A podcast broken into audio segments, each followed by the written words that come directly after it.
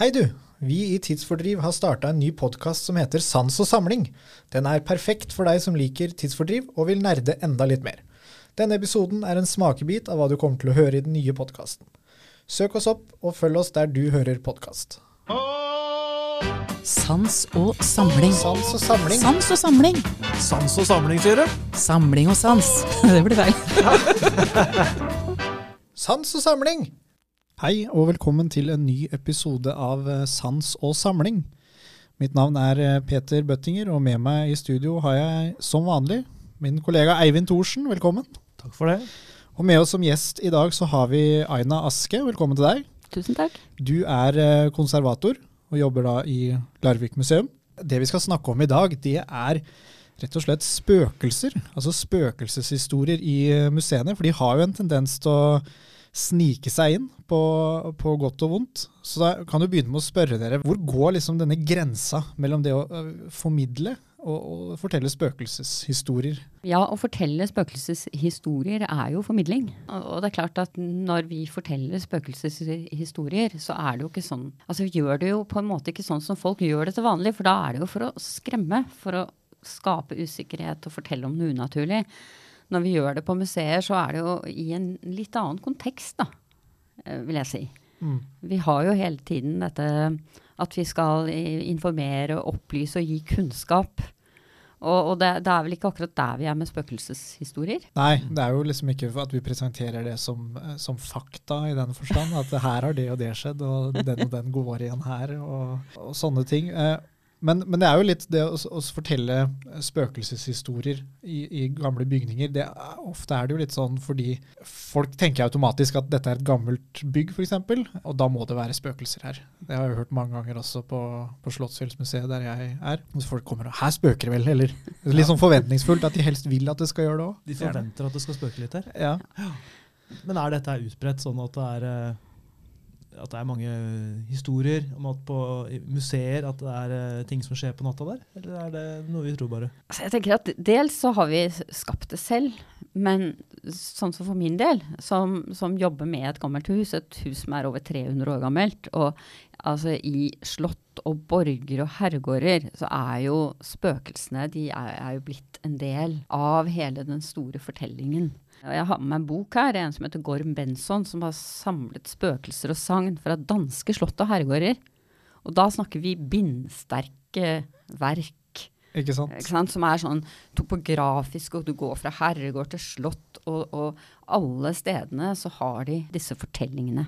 Ja, Ethvert slott med respekt for seg Ja. selv har et par spøkelser inne i, i gangene. der. Definitivt. Og Da må jeg spørre deg, da, Aina. Du jobber jo på Herregården i Larvik, som da er altså en, et gammelt bygg. Mm. Stort, staselig gammelt bygg. Kan du ikke fortelle litt om forholdet dere har der på Herregården til spøkelseshistorier?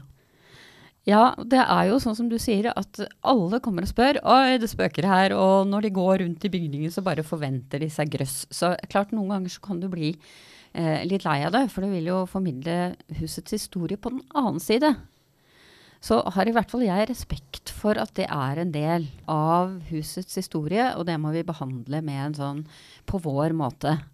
Og så er det eh, en bygning som Herregården er jo blitt en del av litteraturen.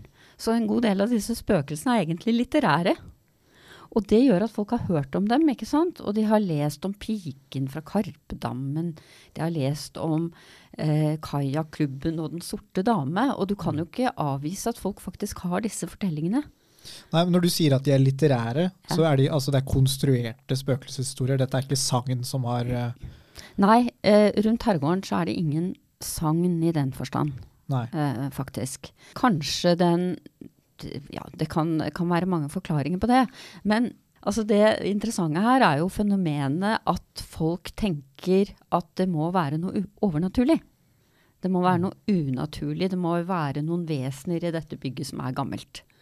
Og det er jo denne overnaturligheten som er spøkelset, ikke sant. Mm. Og de kan jo, de kan jo oppstå hvor som helst. Aina, du nevnte jo dette med eh, Den sorte damen. Kan du ikke fortelle litt mer om hva den historien eh, går ut på? Ja, den sorte damen, eh, eller den grå damen, eller hva det nå er, er jo et typisk 1800-tallsspøkelse. Altså en person du ikke vet hvem er. Hun bare flagrer rundt, liksom. Og det er Arnold Jacobi, som var eh, bl.a. barnebokforfatter. I 1940-årene så kom denne boken om kajakklubben i byen Arvik, som da er Larvik, ikke sant. Ja. Og de eh, har et mysterium da med Den sorte dame. Og, og dette her kretser rundt herregården. ja. Og, og dermed så, og det har vi opplevd med andre bøker også, at de er litterære. Det er en forfatter som har skapt eh, fortellingen, men så kommer den ut. Og så omskapes den av folk, og det ser vi på nettsider bl.a. At da snakker folk om 'Å ja, har du hørt om piken i Karpedammen eller Den sorte dame?' Og så er det blitt virkelig. Ja. Det er litt interessant det der med hvis man f.eks. har lest eller hørt om et spøkelse i en bok eller en fortelling, og så tar man jo da med seg noen eh, tanker om dette her. Da, og man da, hvis man da ikke tror på spøkelser eh, Jeg for eksempel er jo sånn ganske sånn skeptisk av natur til spøkelser. Eh, hvis jeg hører det dunke på taket, hvis jeg er et gammelt hus, da tenker jeg nå må noen ta den greina. Vinden tar den. Men hvis man er overbevist om at eh, man har lest boka om eh, disse spøkelsene, så tenker jeg at man kanskje tolker det inn for å passe i den tankene man har på forhånd. da. Det er klart Man legger jo de føringene inn, hva man tenker Ja. at det er. Og øh, man har jo eksempler på det hvor man dersom man får beskjed om at her spøker det, Ja. gå inn der, så vil folk tro de hører og ser og opplever ting på en helt annen måte enn hvis man ikke hadde hatt den forkunnskapen. da. Men Du spurte i starten, Peter, at uh, hva er grensen mellom uh, formidling og det å, å fortelle spøkelseshistorier. Og da tar jeg meg sjøl i, faktisk, for jeg jobber jo på hvalfangstmuseet. Og der har vi utstilt uh, noen sånne Las Palmas-dokker nede i, i, i hovedutstillinga der.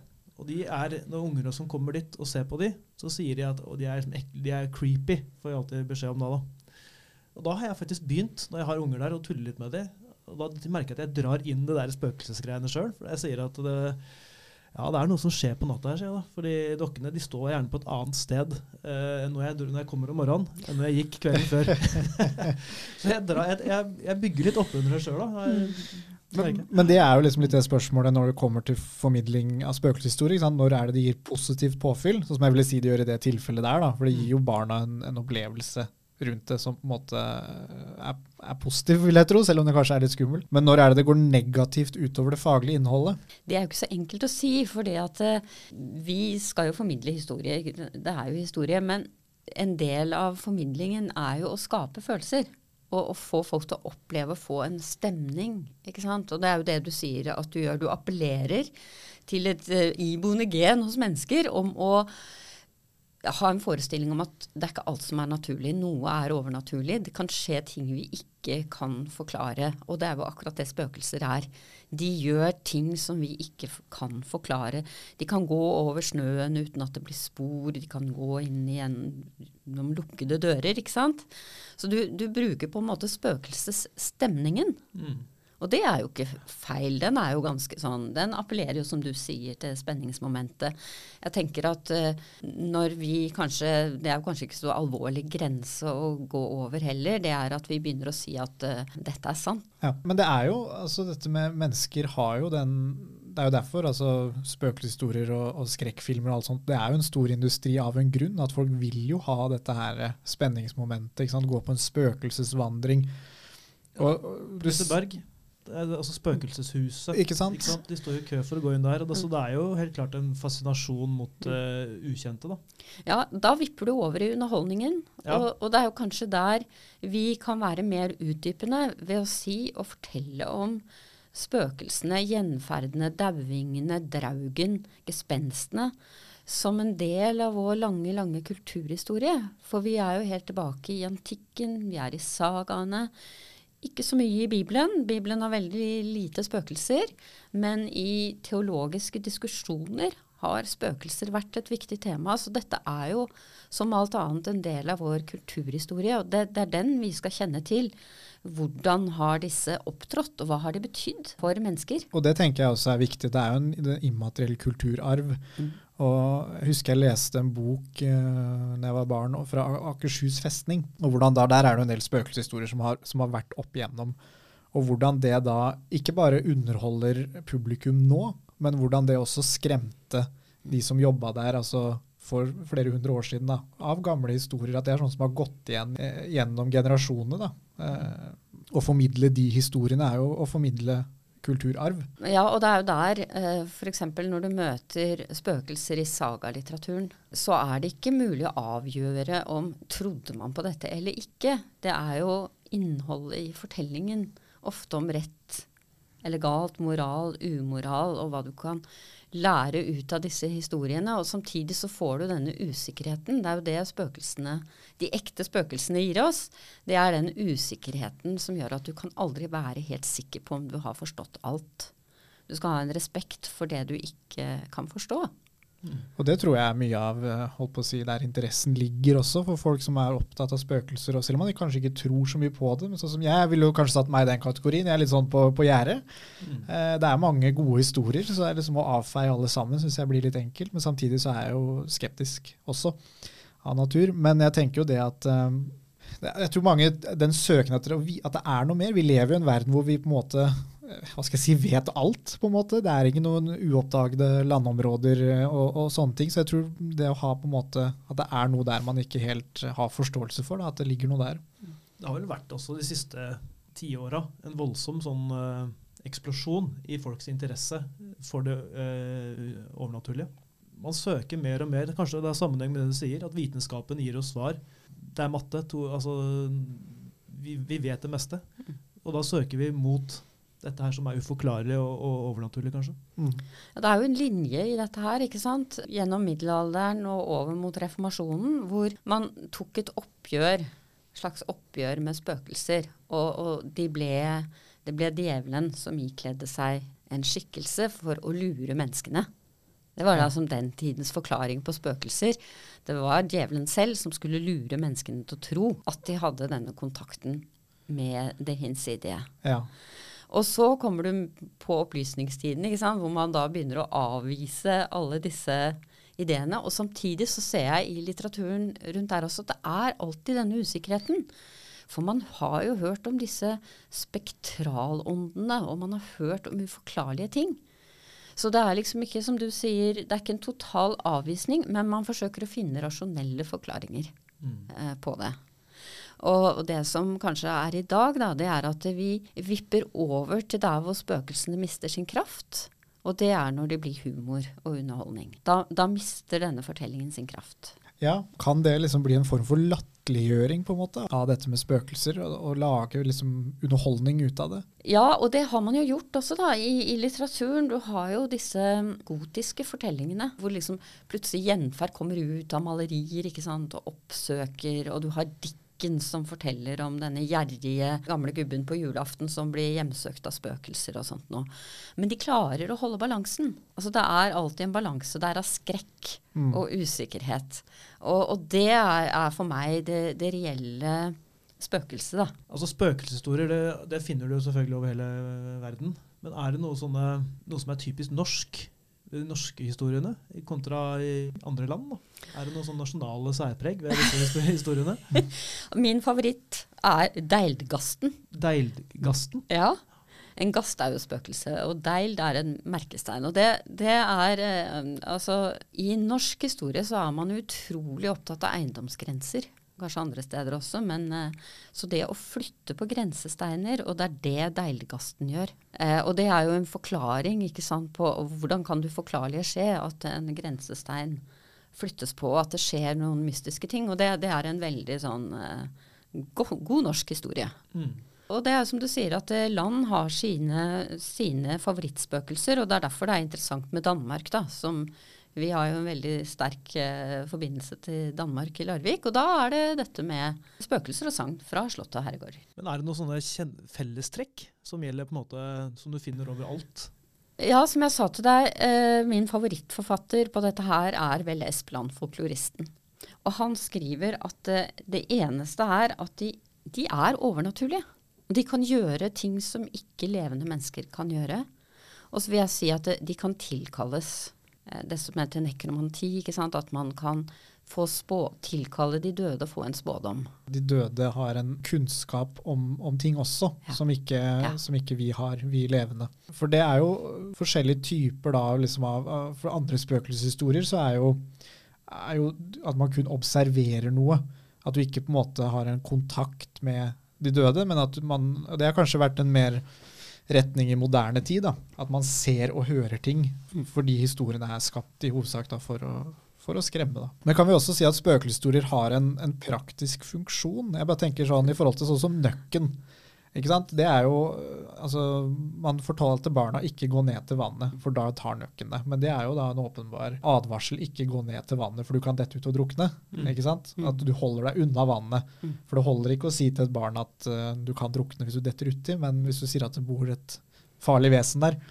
Har spøkelseshistorie litt samme funksjonen? Ja, det, det er helt klart. Draugen er et typisk eksempel, og også en, en sånn norrøn og, gammel norsk figur som etter hvert har fått da denne vannskikkelsen. Og det er jo kunstneren Theodor Kittelsen som har udødeliggjort dette. ikke sant? Vi ser det jo for oss med en gang. Det er jo uhyret som stiger opp av, havet. havet. Og da har jo denne gamle skikkelsen, altså det gamle spøkelset Draugen, på en måte blitt romantisert også. Og tatt inn i liksom vår eh, folkloristikk og kunsthistorie. Og da er det som du sier, det får hele tiden spøkelser får hele tiden nye funksjoner. Mm. Eh, og nye måter å presentere seg selv på.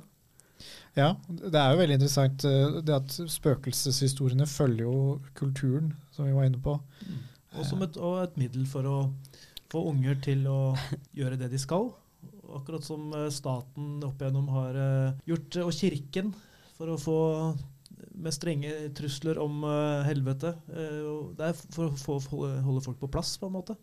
Ja, og da, Mm. da kan man jo også se hvorfor kirken har på en måte ikke altså, Som du var inne på, Aina, med at det finnes ikke spøkelser, det er bare djevelen hver gang som prøver å lure oss. Men det er fordi kirken vil jo da ha et slags monopol på dette eierskapet til livet etter døden. Det, er, det er som det står i Bibelen. Ikke, det er ikke rom for alternative løsninger der, da. Nei, det er helt riktig. Det er, og det er et veldig, ve veldig viktig skille som går helt tilbake til kirkefaderen Augustin.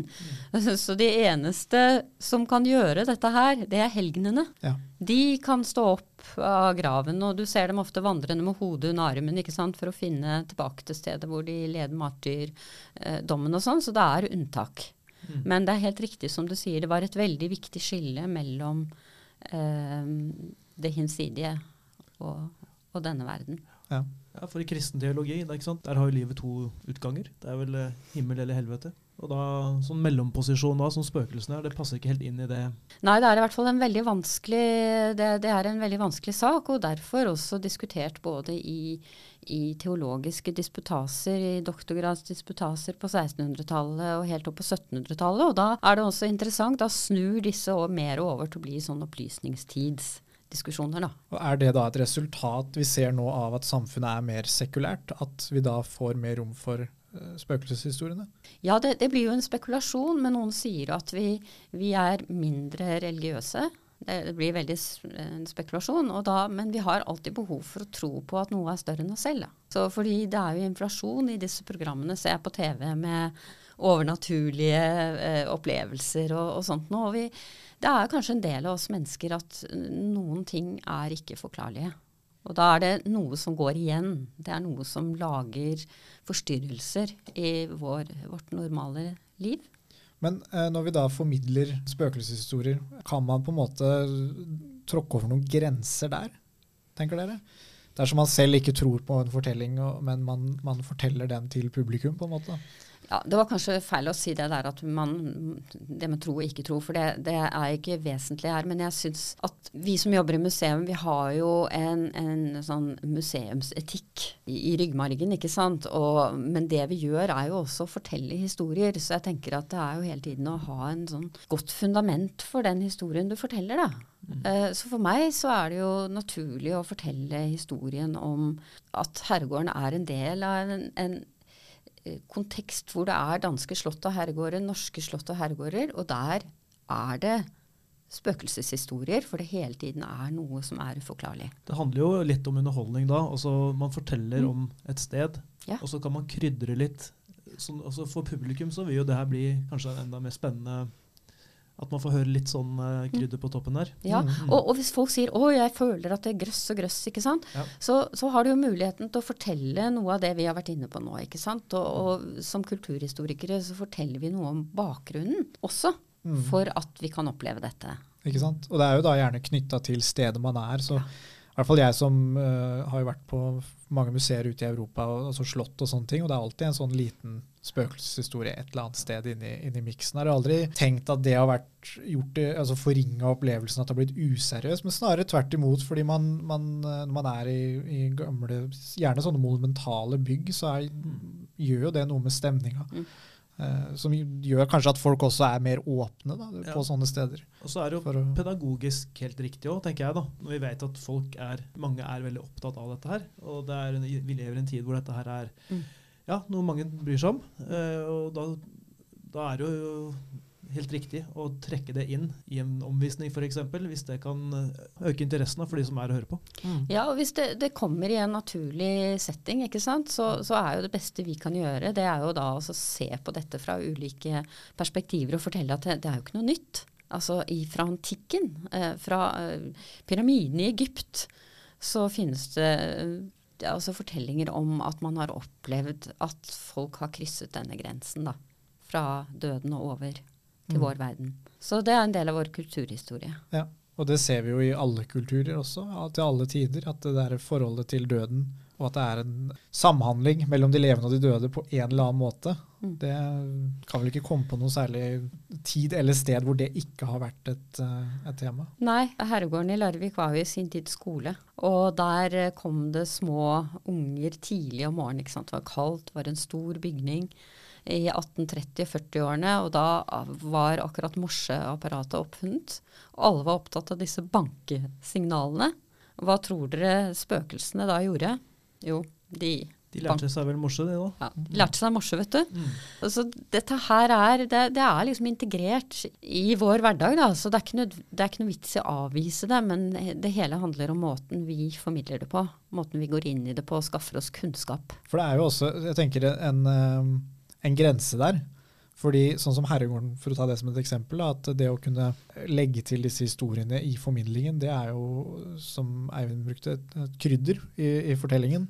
Topping. Topping, eh, rett og slett. Um, men samtidig så kan det jo bli for mye av det gode. Jeg har jo sett steder som, som blir sånn, altså spøkelsesjegere, som de kaller seg. De som kommer sant, med alle disse apparatene, og at det tar hele fokuset. Så ville jo det blitt veldig feil. Ja, vi har vår andel, for å si det sånn. Og så skal det også være sånn at noen i formidlings... eh, De som jobber med formidling, syns ikke dette er noe de vil inn på. Og er rett og slett ikke komfortable med det. Det er ikke de historiene. Og da tenker jeg det er helt greit.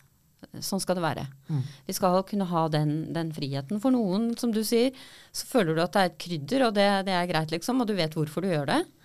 Men for andre så er det ikke den veien de går. Vi er forskjellige. Helt Vi til er, slutt, vi er forskjellige. eh, dere, er det noen av dere som har en favorittfortelling? Når vi først er inne på spøkelseshistorier, så må vi jo få en, en spøkelseshistorie her. Der er jeg ganske blank, altså. Eh, favorittfortelling?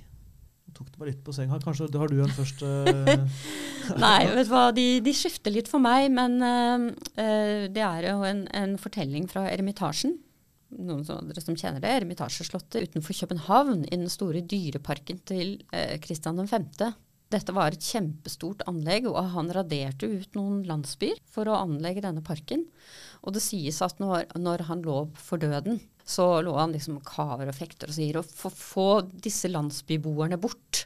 For da kom alle landsbyboerne fra disse to byene som han hadde da slettet med jorden, de kom jo inn til han og oppsøkte han akkurat i dødsøyeblikket. Og det er jo typisk, det er det mest skremmende som, som kan skje, ikke sant. Og så kan du ikke gjøre noe med det, for de er jo bare der. Så det, det er en sånn typisk, klassisk eh, slottsspøkelseshistorie. Stakkars Kristian 5. Ja. Du har kanskje en på lur, Peter? Ja, eh, jeg husker i hvert fall en som jeg ble veldig skremt av som barn. Det var en jeg var på Akershus festning. Jeg lærte om dette med hvordan de i, Det kjenner kanskje du til også, hvordan man murte inn dyr inn i murene. For at de, ånden skulle beskytte eller vokte over, over eh, bygningen. Men hvordan disse da gjerne gikk igjen da, eh, i ettertid. Og da var det denne Malkanisen, som den het, i Akershus festning. En stor sort hund som dukka opp eh, i tide og utide. Og de som møtte på denne sorte hunden, de døde gjerne da kort tid etterpå da, i en eller annen ulykke eller noe. Så de historiene husker jeg skremte meg litt. Da sto vi i den der gangen, nå husker jeg ikke farta hva den heter, i Akershus festning, den mørke tunnelen. da. Men jeg kan berolige deg med, jeg har vært uh, gardist og stått uh, mange netter ute på Akershus festning, og jeg har aldri sett noe til den hunden. Så, Nei, det er godt å, Ja. godt å høre. Jeg har hatt sort hund i ettertid selv også, så, det, så, så jeg kom over den frykten. da, det gjorde jeg. Ja, det, den, den er jo klassisk. Ja. Aina, tusen takk for at du kom. Eivind, takk for at uh, du kom òg. Du hadde vel ikke så mye valg, du må jo være her. jeg må jo, Ja. men det var hyggelig likevel. Ja, ikke sant? Da sier vi takk for uh, nå, og en god dag videre. Sans og samling er en podkast fra Vestfoldmuseene. Den er laget av Susann Melleby, Petter Bøttinger, Eivind Thorsen, Jon Anders Øyrud Bjerva og meg, Ellen Aspelin. Ønsker du å kontakte oss, send en e-post til kommunikasjon at vestfoldmuseene.no. Sans og samling!